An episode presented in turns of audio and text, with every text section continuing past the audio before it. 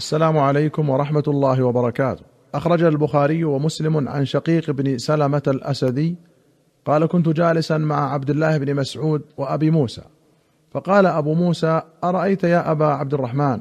لو أن رجلا أجنب فلم يجد الماء شهرا كيف يصنع بالصلاة؟ فقال عبد الله لا يتيمم وإن لم يجد الماء شهرا. فقال أبو موسى فكيف بهذه الآية في سورة المائدة؟ فلم تجدوا ماء. فتيمموا صعيدا طيبا.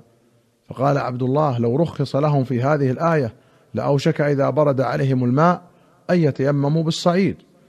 قلت وإنما كرهتم هذا لذا؟ قال نعم. فقال أبو موسى لعبد الله ألم تسمع قول عمار لعمر؟ بعثني رسول الله صلى الله عليه وسلم في حاجة فأجنبت فلم أجد الماء فتمرغت في الصعيد كما تمرغ الدابة ثم آتيت النبي صلى الله عليه وسلم فذكرت ذلك له فقال إنما يكفيك أن تصنع هكذا. وضرب بكفيه ضربة على الأرض ثم نفضها ثم مسح بها ظهر كفه بشماله أو ظهر شماله بكفه ثم مسح بهما وجهه. وعند مسلم إنما كان يكفيك أن تقول بيديك هكذا. ثم ضرب بيديه إلى الأرض ضربة واحدة ثم مسح الشمال على اليمين وظاهر كفيه ووجهه فقال عبد الله أولم تر عمر لم يقنع بقول عمار؟ قال أبو موسى فدعنا من قول عمار فكيف تصنع بهذه الآية؟ فما درى عبد الله ما يقول. وفي رواية أن رسول الله صلى الله عليه وسلم قال إنما كان يكفيك أن تقول هكذا. وضرب بيديه الأرض فنفض يديه فمسح وجهه وكفيه. وفي أخرى لهما عن عبد الرحمن بن أبزة أن رجلا أتى عمر فقال إني أجنبت ولم أجد ماء. فقال لا تصل. فقال عمار أما تذكر يا أمير المؤمنين إذ أنا وأنت في سرية فأصابتنا جنابة فلم نجد الماء. فأما أنت فلم تصل. وأما أنا فتمعكت في التراب وصليت. فقال رسول الله صلى الله عليه وسلم إنما يكفيك أن تضرب بيديك الأرض ثم تنفخ ثم تمسح بهما وجهك وكفيك. فقال عمر اتق الله يا عمار. فقال إن شئت لم أحدث بهذا. فقال عمر نوليك ما توليت. معنى قول عمر اتق الله يا عمار أي تثبت فلعلك نسيت أو اشتبه عليك فإني كنت معك ولا أتذكر شيئا من هذا. ومعنى قول عمار إن شئت لم أحدث به أي إن رأيت المصلحة في ترك الحديث به وافقتك فإني قد بلغته فلم يبق علي حرج. فقال له عمر نوليك ما توليت أي لا يلزم من كوني لا أتذكره ألا يكون حقا فليس لمنعك من التحديث به. قاله النووي ونقله عنه ابن حجر رحمهما الله جميع علماء المسلمين. وأخرج البخاري ومسلم عن عمران بن حسين رضي الله عنه أن رسول الله صلى الله عليه وسلم لما انفتل من صلاته إذا هو برجل معتزل لم يصل مع القوم فقال يا فلان ما منعك أن تصلي مع القوم؟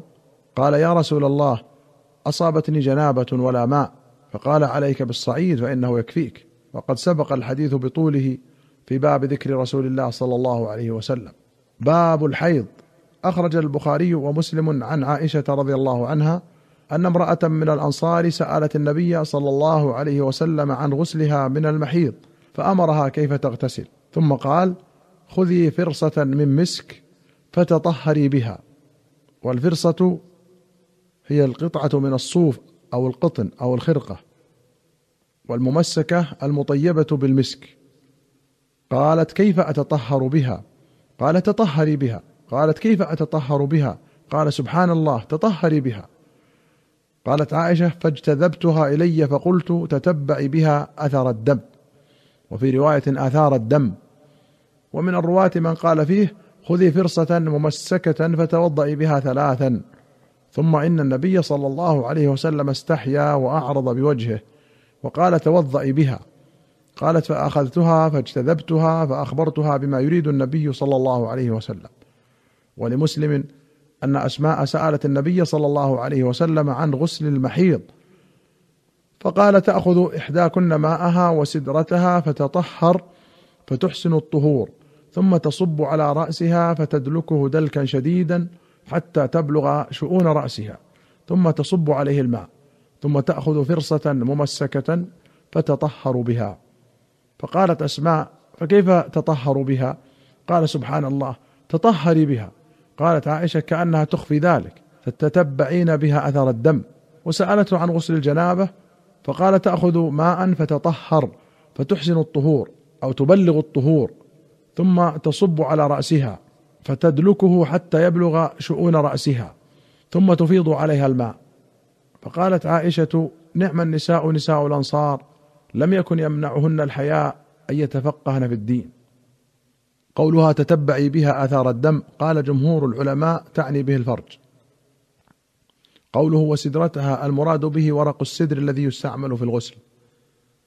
وأخرج البخاري ومسلم عن عائشة رضي الله عنها أن أم حبيبة بنت جحش ختنه رسول الله صلى الله عليه وسلم وكانت تحت عبد الرحمن بن عوف. استحيضت سبع سنين. فاستفتت رسول الله صلى الله عليه وسلم. فقال إن هذه ليست بالحيضة ولكن هذا عرق فاغتسلي وصلي. فكانت تغتسل لكل صلاة. قالت عائشة فكانت تغتسل في مركن في حجرة أختها زينب بنت جحش حتى تعلو حمرة الدم الماء. ولمسلم قال لها امكثي قدر ما كانت تحبسك حيضتك ثم اغتسلي. فكانت تغتسل عند كل صلاة. قال الليث بن سعد لم يذكر ابن شهاب أن رسول الله صلى الله عليه وسلم أمرها أن تغتسل عند كل صلاة ولكنه شيء فعلته هي. المركن وعاء تغسل فيه الثياب ويقال له مخضب واجانه وأخرج الشيخان عن عائشة قالت قالت فاطمة بنت أبي حبيش لرسول الله صلى الله عليه وسلم إني امرأة أستحاض فلا أطهر أفأدع الصلاة؟ فقال لها رسول الله صلى الله عليه وسلم إنما ذلك عرق وليس بالحيضة فإذا أقبلت الحيضة فاترك الصلاة فإذا ذهب قدرها فاغسلي عنك الدم وصلي. وفي رواية فإذا أقبلت الحيضة فدعي الصلاة وإذا أدبرت فاغتسلي وصلي. وفي أخرى ولكن دعي الصلاة قدر الأيام التي كنت تحيضين فيها. ثم اغتسلي وصلي. وأخرج مالك وابن أبي شيبة وأحمد وابن ماجة وأبو داود والنسائي والطبراني في الكبير والدار قطني والبيهقي في السنن بسند صحيح عن أم سلمة رضي الله عنها أن امرأة كانت تهراق الدماء في عهد رسول الله صلى الله عليه وسلم. فاستفتت لها أم سلمة النبي صلى الله عليه وسلم فقال لتنظر عدد الليالي والأيام التي كانت تحيضهن من الشهر قبل أن يصيبها الذي أصابها فلتترك الصلاة قدر ذلك من الشهر فإذا خلفت ذلك فلتغتسل ثم لتستثفر بثوب ثم لتصلي. تستثفر أي تشد فرجها بخرقة عريضة تحشوها قطنا وتوثق طرفيها في شيء تشده على وسطها فتمنع بذلك سيل الدم وهو مأخوذ من ثفر الدابة الذي يجعل تحت ذنبها. واستثفر الرجل أي أدخل ثوبه بين رجليه كما يفعل الكلب بذنبه.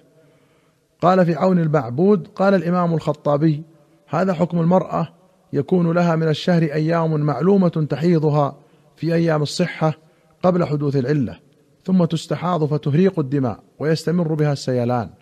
أمرها رسول الله صلى الله عليه وسلم أن تدع الصلاة من الشهر قدر الأيام التي كانت تحيض قبل أن يصيبها ما أصابها. فإذا استوفت عدد تلك الأيام اغتسلت مرة واحدة. وحكمها حكم الطواهر في وجوب الصلاة والصوم وجواز الطواف إذا حجت وغشيان الزوج إياها إلا أنها إذا أرادت أن تصلي توضأت لكل صلاة لأن طهارتها ضرورة. فلا يجوز أن تصلي صلاتي فرض كالمتيمم. أيها المستمعون الكرام إلى هنا نأتي إلى نهاية هذه الحلقة. حتى نلقاكم في حلقة قادمة إن شاء الله.